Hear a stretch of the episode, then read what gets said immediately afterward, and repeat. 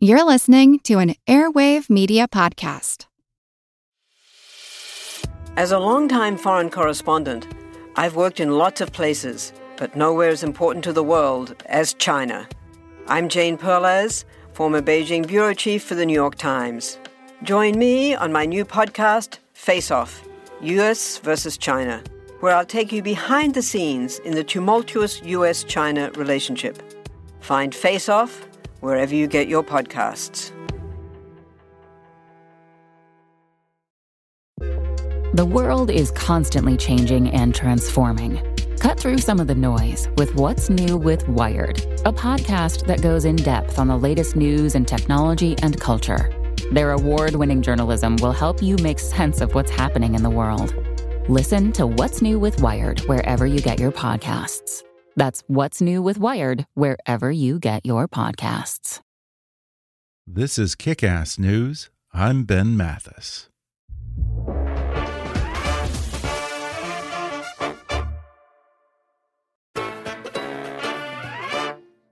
Have you ever wondered what those bright, squiggly graffiti marks on the sidewalk mean? Or stopped to consider why you don't see metal fire escapes on new buildings? Or pondered the story behind those dancing inflatable figures in car dealerships. One podcast shines a light on those overlooked elements in the built environment, and it also happens to be one of my personal favorites that I listen to every week. 99% Invisible is a big ideas podcast about small seeming things, revealing stories baked into the buildings we inhabit, the streets we drive, and the sidewalks we traverse. The show celebrates design and architecture in all of its functional glory and accidental absurdity, with intriguing tales of both designers and the people impacted by their designs. Now, in a new book titled The 99% Invisible City A Field Guide to the Hidden World of Everyday Design, 99PI host Roman Mars and co author Kurt Kohlstedt zoom in on the various elements that make our cities work, exploring the origins and other fascinating stories behind everything from power grids and fire escapes to drinking fountains and street signs.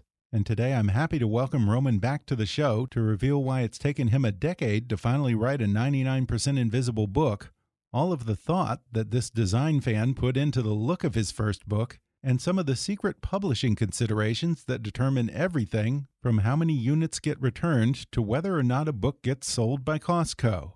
We talk about the baseball player who outlasted his sell by date and became synonymous with stairs to nowhere and other useless architectural elements, how the lost art of neon tube bending is making a comeback, and how residents, local governments, and more impact the look and character of a neighborhood.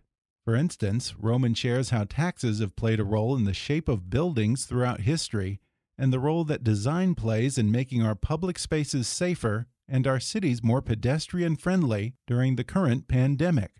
Plus, we talk about creepy dolls, librarians on a power trip, hideous city flags, and San Francisco's love hate relationship with the Transamerica Pyramid. Coming up with 99% Invisible's Roman Mars in just a moment.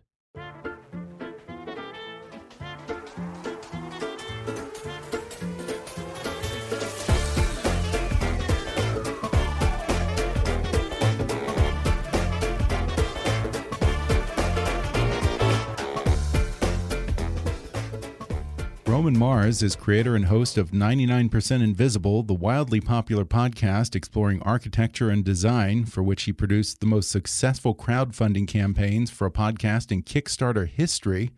Fast Company named Mars one of the 100 most creative people in 2013, and he was a TED main stage speaker in 2015. Now, at long last, he's come out with a wonderful new book titled The 99% Invisible City a field guide to the hidden world of everyday design. Roman Mars, congrats on the book and welcome back to the podcast. Thank you so much. I'm really excited to be back. Well, since we last spoke, there's one thing that I've been wondering about. You have an unusual name. I don't meet a lot of Marses out there. Are you by any hmm. chance any relation to Franklin and Forrest Mars of the Mars Candy Empire, the guys who created M&Ms and Mars Bar, of course? I, I, I wish I could say I was, and it, life would be a whole lot easier if that were the case. But that is not the case. Okay. sorry. I just had to ask. You know, that, that candy money, man. That candy money. That's a private. I mean, I. I've followed them for a long time, obviously. Yeah. And uh, that's a private company owned by a still a family. And Yeah. uh, yep, that, that is not my family. Oh, okay. Okay. By the way, I love that you've continued the tradition of bold names in your family with your sons Maslow, Rocket Mars, and Carver Atomic Mars. I'm assuming Yeah. those names were all you, or did your wife give you give you any pushback at first on those? Oh, not not, not at all. No, No. Um, uh, their mom like uh, picked out was was instrumental in picking out those names. So Oh, really? that was that they were definitely uh, part of her invention. Uh, Even more, we sort of settled on the first names to kind of together, and then I think we were brainstorming. Uh, different parts of uh, of making the middle name really exciting for them to choose to, to go with later on in life but yeah that's that's true Now, for anyone who has never listened to your podcast, 99% Invisible, and I certainly encourage them to do so, it's just wonderful. Uh, could you explain the mission statement behind 99PI? Well, it's a it's a show about design, but in the broadest sense possible. It's really the Mm. it's really the story of you know why things are the way they are, and it's using the built world or just any sort of built concept or anything designed to tell us who we are as humans, like through the things that we make. And so it's just sort of follows our curiosity, but it often takes the form of you know looking at bridges and buildings and intersections and things like that. We we we like to focus on the mundane and try to tell you the most interesting story about mundane things. Yeah, you do define design fairly broadly. It makes me think of your latest episode, which is about the woman who founded the children's reading room at the New York Public Library. I, I just love that. I was just listening to it this morning. And, and it's interesting to think that there was a time when libraries not only didn't cater to kids, but pretty much banned them from coming in. Yeah.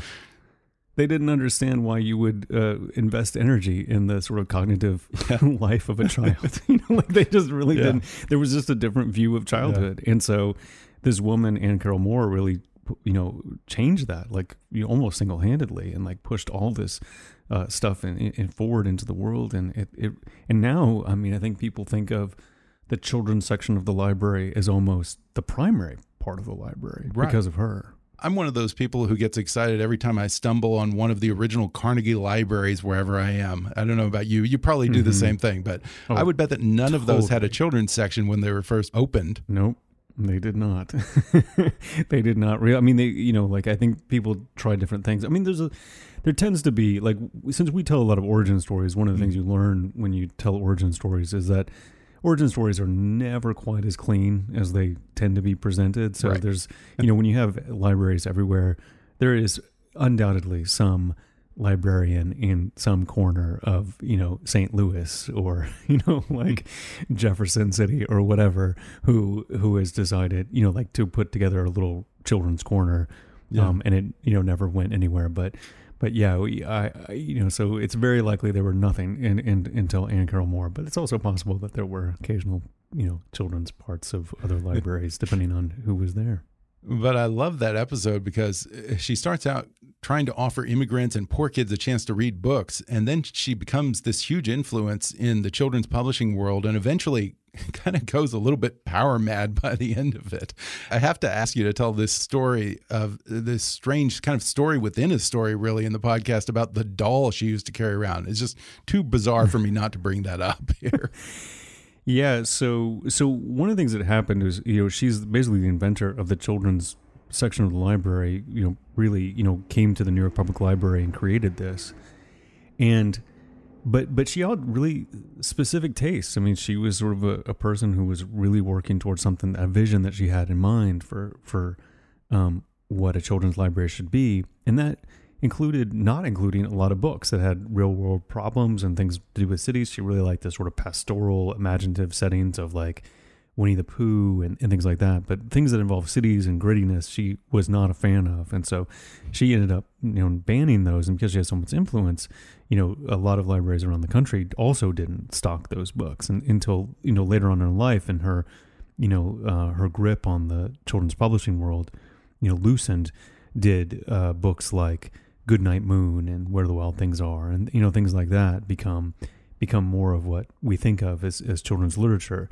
But she also had her own quirks, which were she had this wooden doll that she carried around called Nicholas Knickerbocker, who was ostensibly there to encourage the kids to, you know, engage with her and not be shy and, and and be part of the library. But she also carried it around like all the time, and uh, and you know it kind of forced her employees to talk to her through the doll. And, and if there was something that upset her, she would say stuff like. Nicholas Knickerbocker doesn't like the sound of that and things like this. and so she had these sort of you know, like even though she was groundbreaking, and I think she did, I I, I come on the side that she did way more good than harm in Right. this world.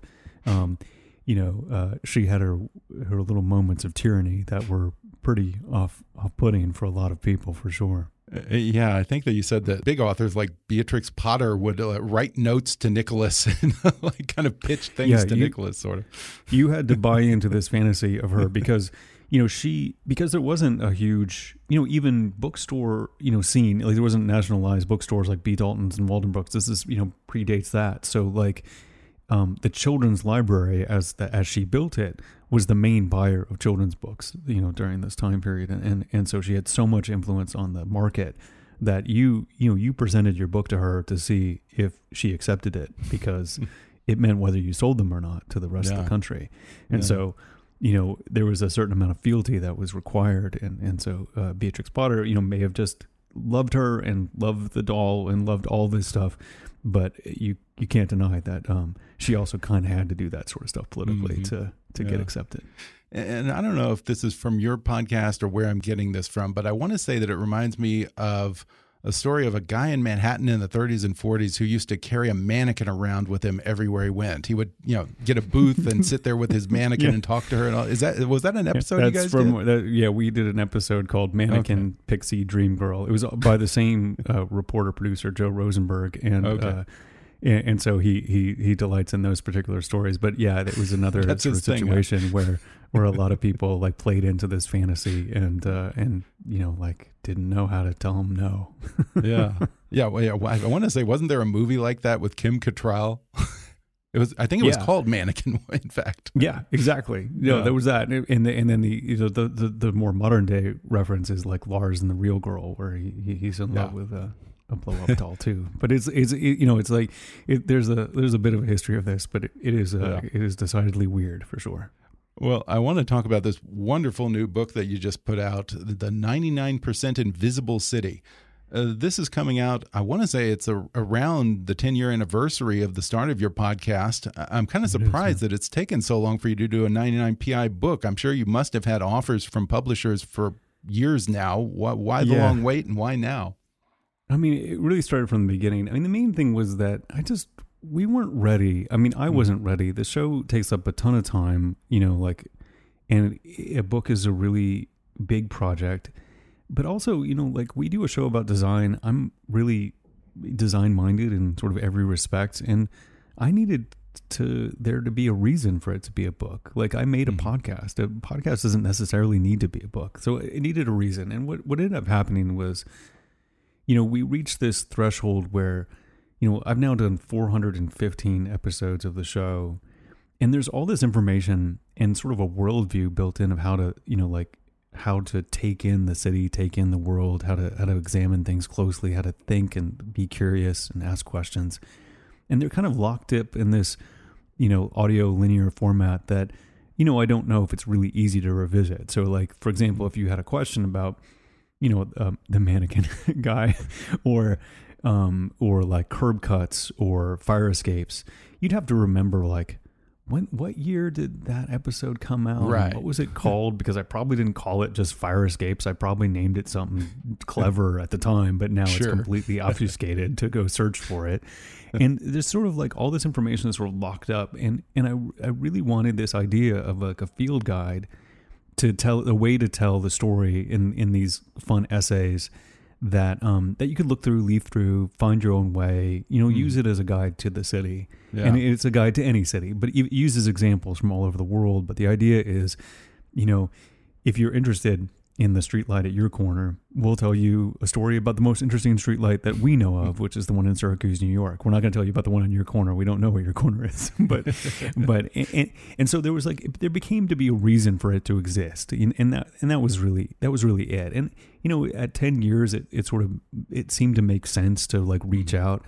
We we we you know like as you're a long time listener, um, and there's a way that there's a way that we kind of own a way of thinking in a certain subject. So if there's a thing about mm-hmm. flags in the world, like I get sent it. If there's a thing about coin challenge coins, I get sent Right. information about it. There's like a thing that we, and I just wanted to sort of like expand that worldview to mm-hmm. people who have never heard a podcast. You know, there's still like 75% of the world who's never turned on a podcast and, and a book makes sense for them. And so it was kind of a little bit of an outreach, a little bit of a compendium, a little bit of like how to, you know, do something to celebrate doing this for 10 years and, and a new challenge. And, and also, you know, Kurt Kohlstedt, who, who's the co-author of the book, you know, like he had the verve and drive and he really pushed it forward and, and I could have never done it on my own. That's Mhm. for sure.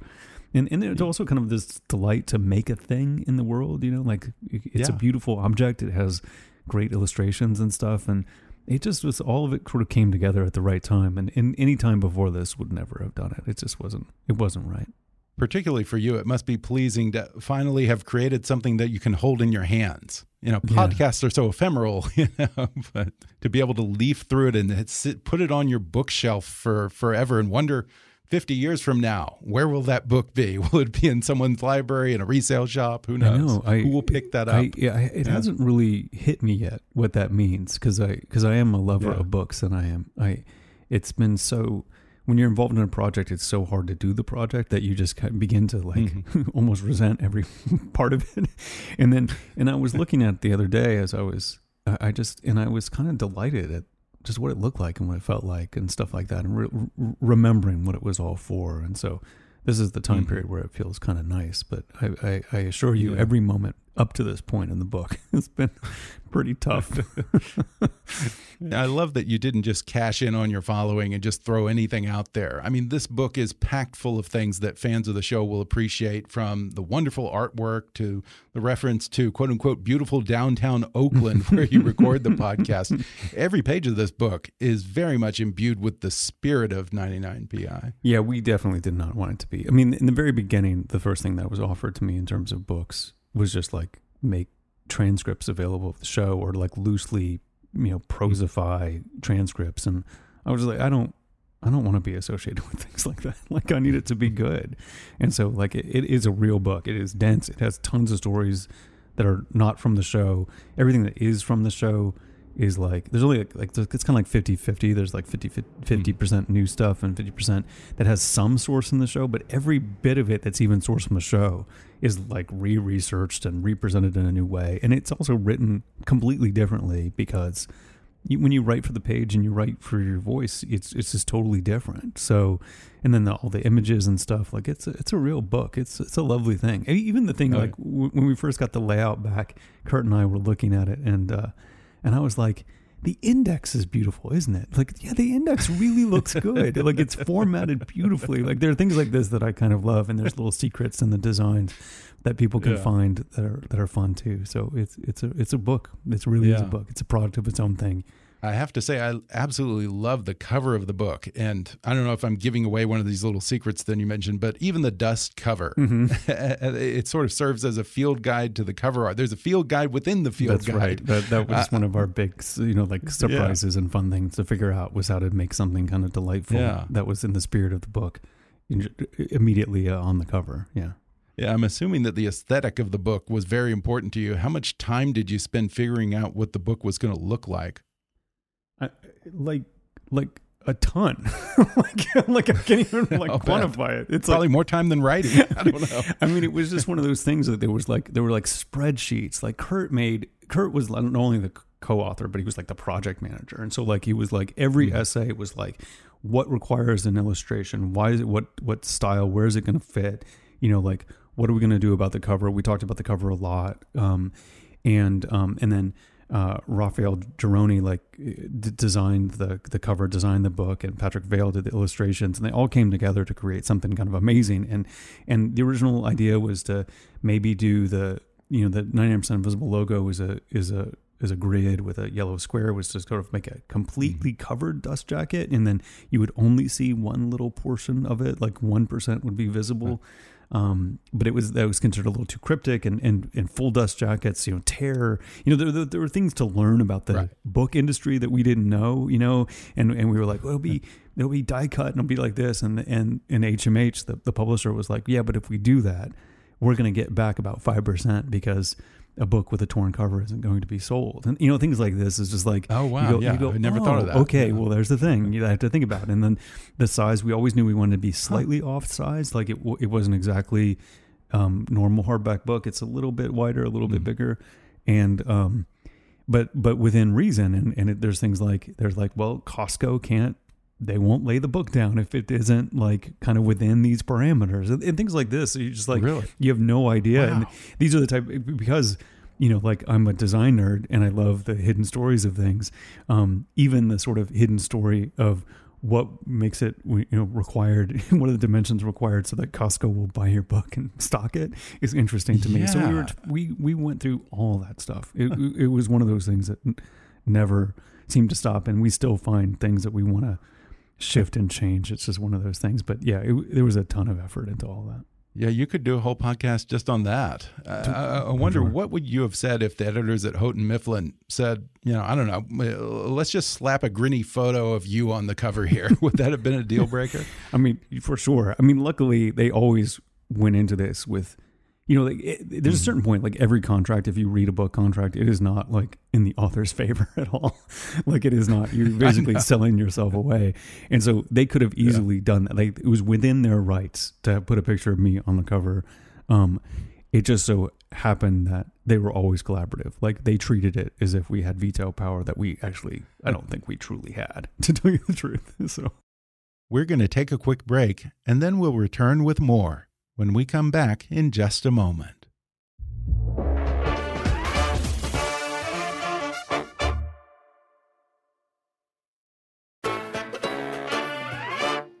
And many of the stories in 99% Invisible City, or the 99% Invisible City, will be familiars to listeners of the show. One old favorite of mine is Thomasson's. Mm-hmm. Now, almost everyone listening has probably seen a Thomasson when they're walking around their neighborhood or going into the city, and they don't even realize it, or at least they they don't know that there's an actual name for these things. Explain what a Thomasson is.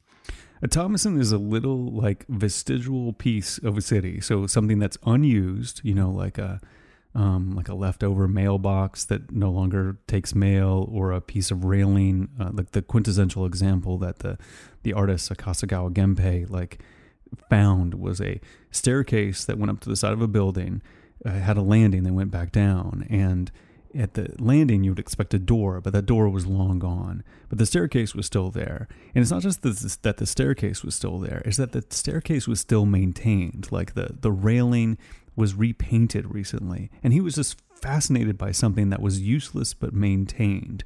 And he began looking for them all over the city, and then like opening it up. He had, he he, he was part of a a photographic magazine and they would take pictures of them and people would send in their their uh, Thomassons and he named them Thomassons. And the reason why he named them Thomassons was that he was a baseball fan. And there was an American baseball player named Gary Thomasson and he was he played here for the San Francisco Giants in the Bay Area where, where I'm from.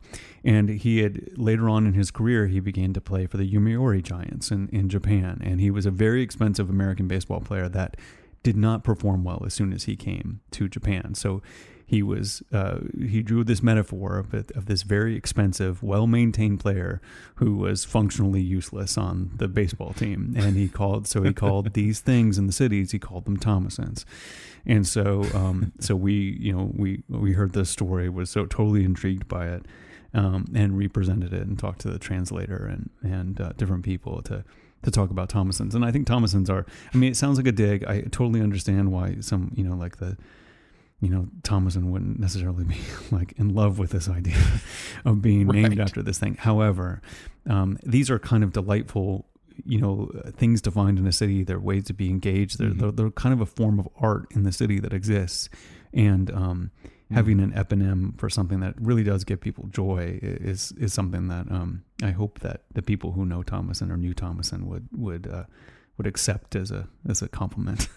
Uh, yeah, it makes me think of you know sometimes I've seen uh, stairs that go to nowhere. The door has just been bricked over, or or the kind of the opposite. You'll see you know a second story door, but no stairs leading down. Yeah, that kind of exactly. yeah, and those things are super fun. And the reason why I like them is I like I like for us to take in the city as a whole, both as a designed object and also this accidental accumulation of different decisions that Mhm. all kind of interact with each other. And it's just sort of like seeing all that complexity, seeing all those weird choices and how they represent our values at different times just makes the city come Mhm. alive to me in a in a cool way. And so like rather than be annoyed or I don't know, just like just or think, oh, that's dumb. Why does that stairway go up there and there's no door? Just take a moment to just like take some delight in the ridiculousness of it and go like, oh yeah, we're humans. We're we're ridiculous, and and things change over time, and we're doing our best. And sometimes we paint a railing to stairs that go nowhere, and that's part of the human condition too. Yeah, that's one thing that comes up a lot on your podcast is, is how some of these more overlooked things in the built environment, such as Thomasson's, get left behind as a neighborhood changes, and also just how design and or discarded design act as indicators of the socioeconomic status of a particular area. And it makes me think of a particular chapter in here on tube benders, which, which is not something that you get during rough sex or something. It's uh, it's the lost art of making neon signs, Yeah. and it's interesting because neon, at their best. They bring about this warm sense of nostalgia if you see a coffee shop or maybe an old Cadillac dealership. But it can also be a sign, literally and figuratively, of a neighborhood that's in decline. You know, when we're watching a movie and there's an old neon sign flickering on and off, or you know, it has a letter that's busted out. It's usually uh, you know accompanied by an ominous sense that someone's going to get jumped or stumble over a dead That's body. right. It's right. usually never a good thing, is it? No, I mean it, today especially. I mean there was a time where neon was huge. I mean it represented, you know, Mhm. like this. It represented the forefront of like fashion and technology, and it was a uh, you know a literal sign of something fancy happening. And there were streets like Market Street in San Francisco before uh, BART came in, and they they ripped up the street to create the BART line under underground, and and in that process they took down all these overhanging um, neon signs. Um, Market Street, San Francisco, looked like Las Vegas. I mean, it was just it, it was just of the time. This was a big deal of showing off what a you know what a fancy establishment you had, and like anything that's fashionable, um, over time, you know, when fashions change and things, you know, are left over, th- those are the older parts of town. And and then the other thing that happened with neon in particular is that it's fragile. You know, like it's a glass tube with a gas in it, and it's you know excited by electricity, and so. If you you know if one goes out, then all of a sudden it costs hundreds of dollars to fix. People don't have the money to fix it, and it really shows its age and its wear a little too much and so it's um, it's often an indicator of other things. But then you know there's moments where it's done really well, and I think neon is actually sort of reaching a new resurgence. Like if you look at startups in um, in the Bay Area in the past few years, including like our show, like they have customized neon signs they put in their headquarters because it has a little bit of flair of nostalgia. It has something cool and novel, and and there's a artistic quality to it. So it's more niche and artistic than it was but now it sort of indicates fanciness again and uh, these things are all cycles So you have a neon sign for 99% invisible or for Radiotopia? for, for what does something like the- that cost? Just out of curiosity. you know we we uh, we got an extremely good deal because we were doing the show on, on neon signs and and one of the people we talked to after Okay. we were all done was like uh hey, hey, would you like a neon sign and i was like yes please and so we basically paid yeah. you know the wholesale just basically cost price and and and um Yeah. And she came in and, and made us it's it's the we we in the very first fund you know the early fundraisers for the show we made these challenge coins and it's uh it's the symbol of one of the ch- it's the first challenge coin. It's a neon sign of it and it's hangs in the in the op- in the entrance to our office and it's really beautiful. I just love it. And you also talk about design and how it plays into the identity of neighborhoods and how those form and change over years. Most neighborhood identities evolve gradually as a reflection of the people who live there, mm -hmm. but then it can also come from a more organized gentrification effort, or even sometimes local governments try to impose an identity from the top down.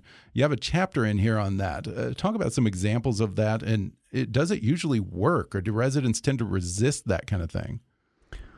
Well, it depends. I mean, really, it's sort of like, you know, the thing is, is like what makes the character of a city is all those things. It's a lot of top down, it's a lot of bottom up.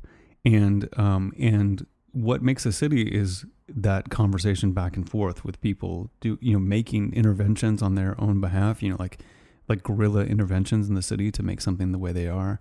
And, um, and then lots of planning from above.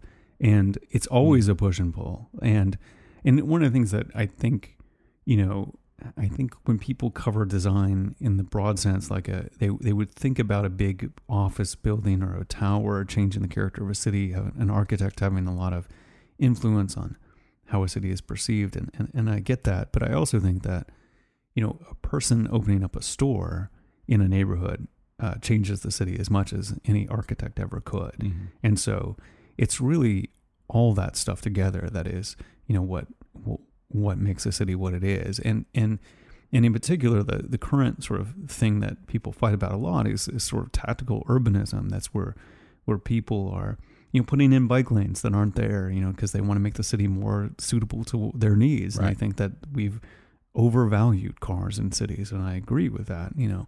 And so and then those and then occasionally those bike lanes are adopted by the city itself. Like they realize that this is valuable and it's important it serves their constituency and so it's worth it but but doing that from the top down is almost impossible and so that that conversation and the, the all the messiness is what makes a city a city and that's why it's endless why you can write about it endlessly uh, yeah, and that's a very timely topic because, you know, here in California, cities are closing some traffic lanes to provide more outdoor seating for restaurants during the pandemic. Cities like New York have closed down entire thoroughfares like Madison Avenue to allow pedestrians more room for social distancing. I, I I agree. I mean, when there's these moments of crisis and people can see the ability to change and the need to change, people get more of an ability to experiment, or they more capacity to experiment, more willingness to experiment. Mm-hmm. And one of the things that I, you know, like, you know, we obviously never planned for this book two years ago to to reach an audience, you know, today during a, you know, pandemic and wildfires and all these things. But we, but one of the things that is clear is that it's an interesting time to examine how we got to now when it comes to cities. Mm. Right at this moment when people are experimenting with cities in all these different types of ways and all these sort of like like uh, light architecture changes like tape on the floor the, to indicate where people should stand and, and little and, and maybe at first it was just tape and then yeah. it was like and then it was like these you know like designed you know like little things with feet on them and signs and just and they have messages on them and they've evolved into that and the plexiglass you know between you and the register that came up really really fast like within a few like a week or something i started seeing that and you yeah. know, sometimes when we when we look at our city, we have a very solipsistic view of the world. You know, we think the city is as it was um, when we entered into it, and it probably should always stay that way. You know, we're the way we're used to. And so when you see these moments of change, it's an interesting time to go like, wait a minute, if if that has changed, when did we get this thing too? You know, like if if if why you know like if you can if you can close down a street to make it all like outdoor seating why did we ever think that streets you know why did streets become car only at a certain point? Because that happened. That wasn't mm-hmm. like a thing that happened in the beginning. In the beginning streets were this completely mix of like pedestrians and horses and carts and vendors and everything and you you navigated the street and it was dangerous and it was weird but nothing went fast enough for it to be like a huge problem. And then cars came on and then just said and they just said this is mine. You know like car, cars were just like roads are mine. And yeah. the thing was is that was a choice that wasn't inevitable that wasn't just like a thing that just happened and it wasn't always the way it was and so when you have these moments mm-hmm. where you take part of the road back because there is a need for people to sit outside. You can look at all that stuff and realize that these are all choices. They're choices that we can examine again, decide what our priorities are today, and that you know that thought process is valuable. You know, like not accepting the status quo as is is a valuable thing, even if you in the end decide that roads should stay the way they are and they need to have cars or whatever it is. At least you thought about it, and that's what like our show is really all about thinking yeah. about those things. And this moment when there's all this change, it's a really interesting time to think about those things again. Uh, yeah, it makes me think of uh, what was his name? I want to say uh, Gridlock Sam in New yeah. York, who was this guy who for years was pushing to make it a more pedestrian friendly city. Yet he was up against these massive forces, you know, like guys like Robert Moses, who was determined to force Manhattan to become a driver's city. I mean, he wanted to bulldoze Washington Square to create an expressway. Totally. And he really had the odds against him. And, absolutely. And and Gridlock Sam, you know, like not not to, not to mention inventing the word gridlock is like you yeah. know his ideas have um, you know really you know come to the forefront and we, we get to think about them mm. really differently and but then there's other things like right now is a good time to think about how cities function in that way and that maybe we can get rid of cars and you know gridlock sam was was proposing in the 70s that there shouldn't be cars on you know i think it was weekdays or weekends there was like there are different like times where there would just be no cars in manhattan all these sort of notions mm-hmm. that the people went went went pretty far and then re-examine them. But there's also, you know, like a lot of people like I was talking to somebody from Houston and a lot of people in Houston right now like because of the pandemic they're they're spread out lifestyle bubble car you know like you know 3000 square foot house lifestyle seems like a great choice in the pandemic because they can be in a bubble and they can never contact people and they're they're saying like see all you urbanists were making fun of us for or, or, criticizing us for our choices but our choices right now are really good. And and the thing is is like you never know how this stuff is going to go you know? And, and you know we were reaching a point i think a critical point you know like in la you know like i think the public transit was going in the direction i like to see you know there was more public transit when i go when i go down there. I i, I ride um, the public transit. I like it I'd love to see people more people do it and now it's not a safe time to be on public transit you know and and yeah. so I think it really hit that um that momentum and and it'll take a while for it to come back but mm-hmm. you, you, know it, it, it all I can tell you is it'll keep changing and and the main thing is to know where you why you made the decisions like what decisions were made for you and that it really is flexible and cities are what we make them you know mm. they they really are so it's worth looking yeah. at them and seeing how we got to where we are so yeah. that you can change them in the future and there's a great section in here that I just loved. It's all about design by government mandate again and talks about the role that rules and regulations, even taxes, play in the shape of buildings and in some cases entire mm -hmm. city skylines. Uh, tell us totally. a little about that. So this thing that you can think of, like if you picture Paris, other than picturing like the Arc de Triomphe or the or the Eiffel Tower, you probably picture a building with like a mansard roof, which is like the roof line is lower than the top of the building. So there's sure. like it begins to slope back, and then there's this dormer, this like this like little window that pops out of the of the roof, and we think of it as like what you know, it's beautiful French architecture, you know.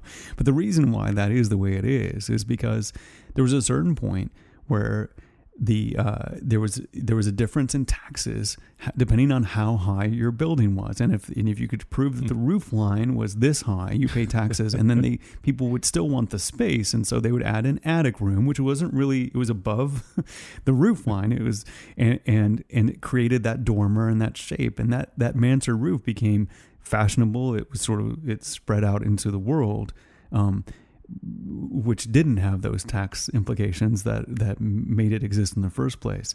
But um, there are all kinds of things like this. Like mm-hmm. there used to be a brick tax in in England, and so the number of bricks you had in your house um, was how much tax you paid and so therefore uh, bricks got really big because because they wanted to charge less in taxes, you know, be you know be responsible for less taxes because you know because they had fewer bricks, and then eventually like the taxes caught up and said it was okay. The size of the brick was what mattered, and so it went back down. So you can you can map you know like the the era of a building in parts of England based on the size of the bricks because mm. it it reflected the taxes of the time. Yeah, it even makes me think of here in Los Angeles how city regulations until very recently have made for an extremely dull skyline because there was this law in the books that said that every building over so many stories had to have a flat roof and a helipad for emergency responders to land on which is why you don't wow. see anything like a Chrysler building or a Transamerica building in Los Angeles, apparently.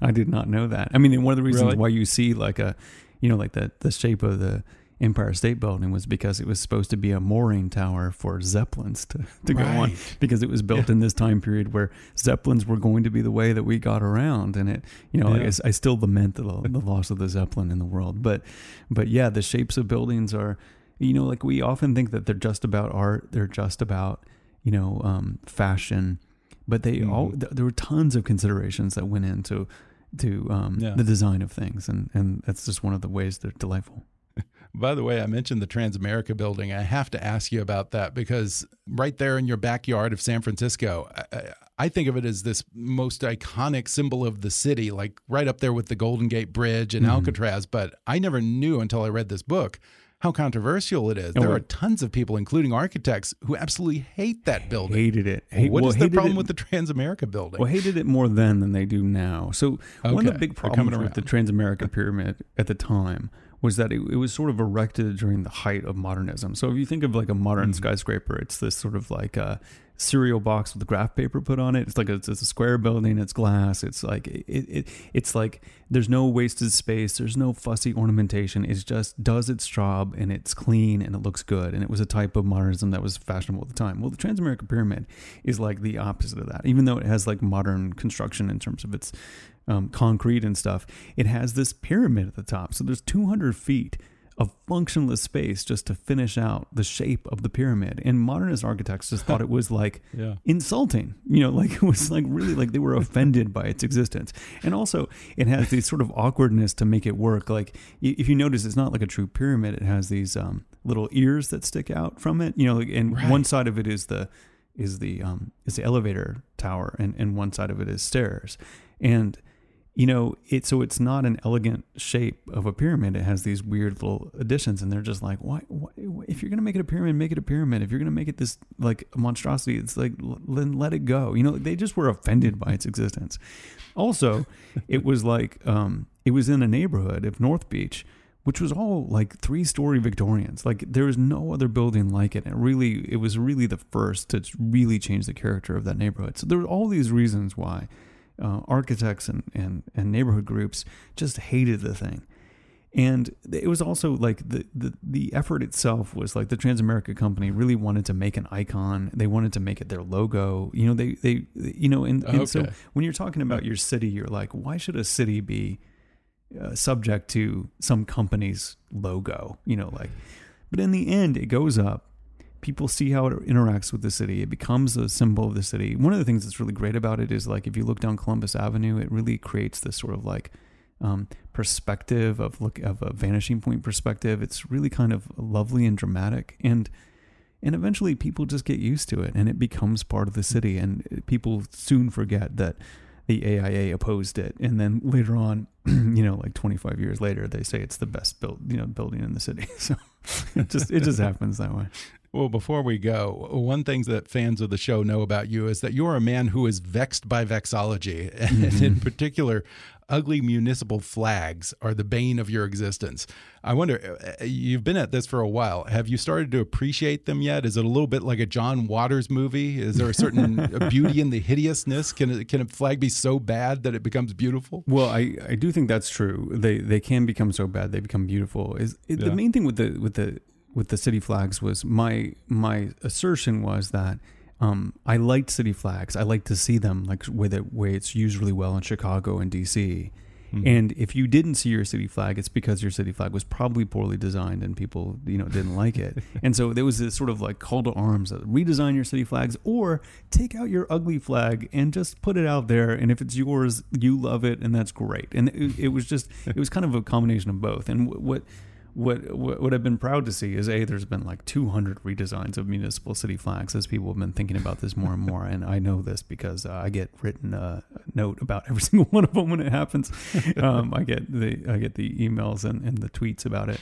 Um, and but yeah, I mean, one of the ones in the example in the TED talk that I gave um, was Milwaukee, and Milwaukee to me, you know, it, it ranks really poorly. It's a big old mess of all these different symbols. It was put together, you know, very strangely to sort of to please everybody, and it sort of great. But as I've looked at it more and more and more, I'm like, uh, I'm kind of used to it. It's it's kind of charming in its ugliness, and so that one uh, has, has grown in my esteem over time for yeah. sure.